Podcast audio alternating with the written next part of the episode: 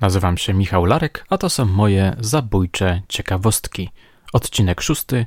Pościg za piękną miliarderką.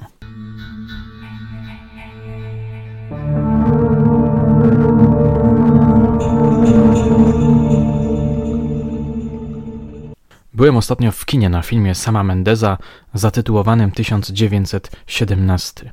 Film zrobił na mnie wielkie wrażenie, przypominając i uzmysławiając, że pierwsza wojna światowa była przerażającym doświadczeniem młodych ludzi. Młodych ludzi, to chciałbym właśnie teraz podkreślić. Z powojennej prasy wynika, że efektem owego doświadczenia mogły być fale depresji, samobójstw, czasami nawet przypadki brutalnych, wielokrotnych zabójstw. Wspominałem o tym raz po raz w zabójczych opowieściach. Pod wpływem sugestywnego obrazu świetnego reżysera zacząłem kartkować prasę z 1919 roku w poszukiwaniu świadectw powojennych traum młodych żołnierzy. Bardzo szybko natrafiłem na artykulik, który pokazał jeszcze jeden mroczny aspekt tamtej wojny. Posłuchajcie.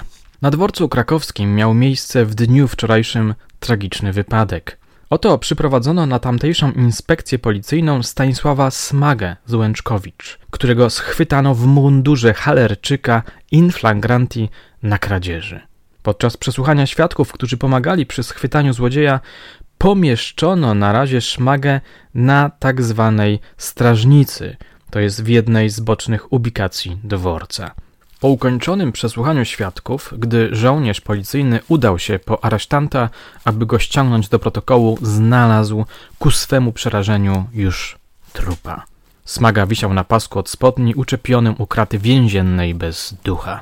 Widocznie wyrzuty sumienia i obawa kary, jaka by go czekała za splamienie zaszczytnego munduru, którego okazał się niegodny, pchnęła go do targnięcia się na własne życie. Sam się osądził. Rozumiecie o co mi chodzi. Wraca młody żołnierz z frontu, jest pozbawiony wszystkiego jedzenia, dachu nad głową, zapewne też poczucia sensu. Wojna niby wygrana, ale on sam przegrał z Kretesem. Musi jakoś przetrwać, więc kradnie, aby coś włożyć do ust i zaspokoić głód. A potem zabija się, przepełniony rozpaczą, że został zmuszony do popełnienia tak niskiego uczynku. Oto jedno z oblicz wojny, o którym nie pamiętamy. No dobrze, ale dzisiaj nie chcę już was zadręczać smętnymi opowieściami, dlatego zmieniam nastrój. Oto krótka historia o pewnej młodej damie, która ukryła się w kufrze uzbrojona w pistolet. Posłuchajcie. Uwaga, uwaga, początek jest bardzo grafomański.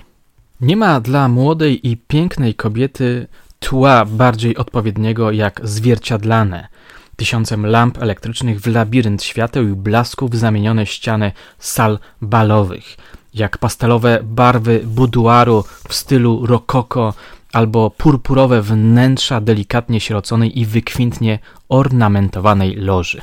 Taką oto poetycką frazą zaczyna się ten artykulik. Nie zrażamy się nią jednak i czytamy dalej. Kobieta otulona futrem i wtulona w lśniące pudło samochodu może być równie interesującą, ale jak wygląda jasnowłosa Amerykanka śpiąca w olbrzymim kufrze?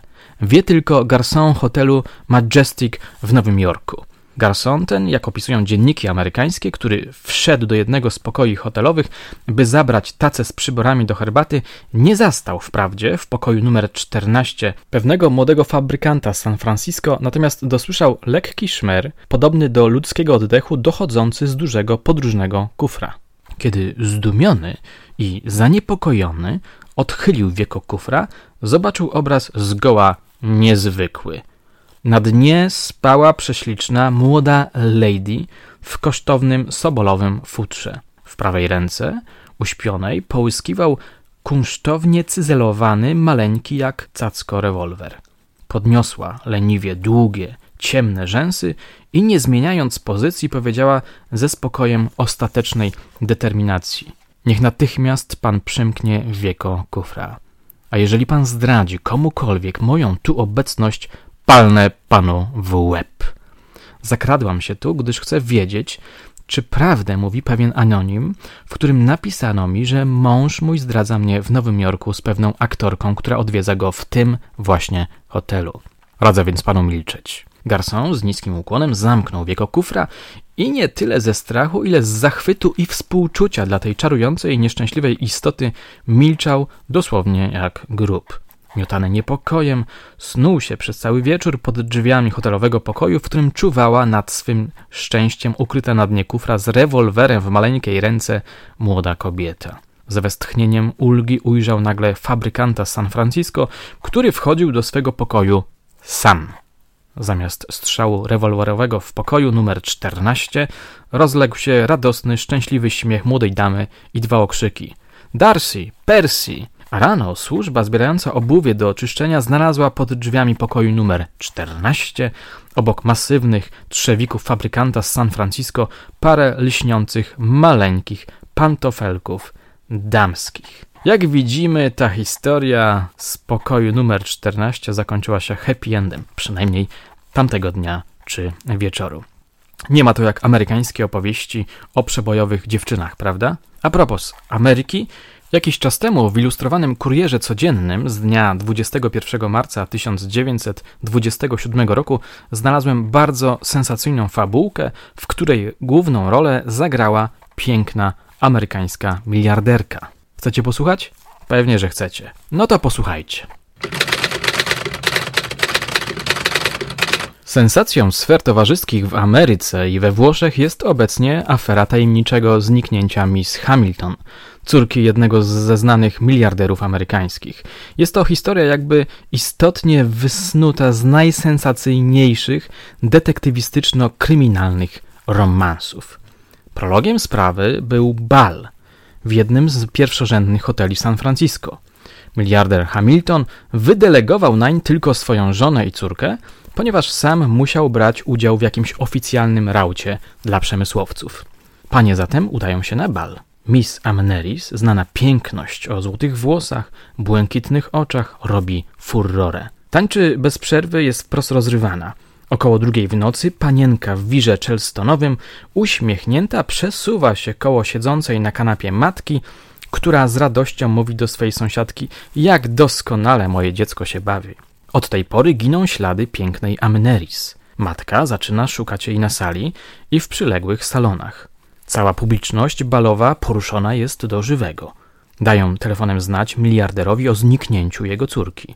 Przerażeni rodzice wracają do domu w nadziei, że tam może znajdą swoją zgubę.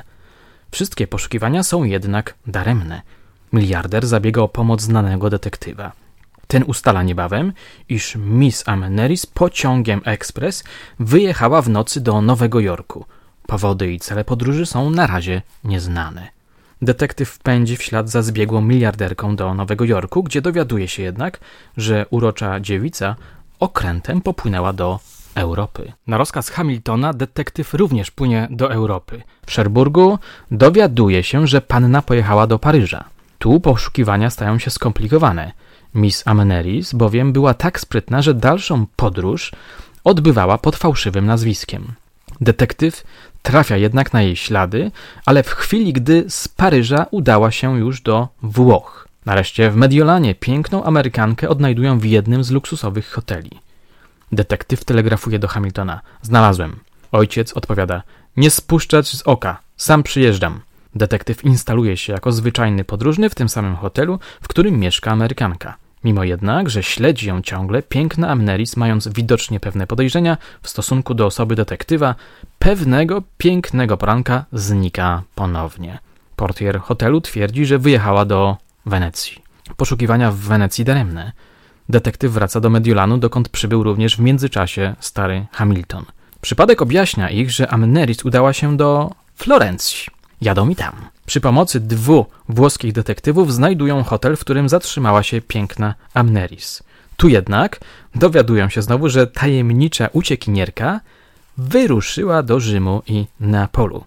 Przed wyjazdem opowiadała właścicielowi hotelu, iż żyje w niezgodzie z ojcem, pragnie bowiem wstąpić do teatru, na co jej ojciec nie chce pozwolić. Czy opowieść ta jest prawdziwą, czy też tylko w żyłach pięknej Amerykanki płynie krew awanturnicza? Nie wiadomo. Faktem jest, że do tej pory nie znaleziono uroczej Amneris ani w Rzymie, ani w Neapolu. Iście kinowa historia.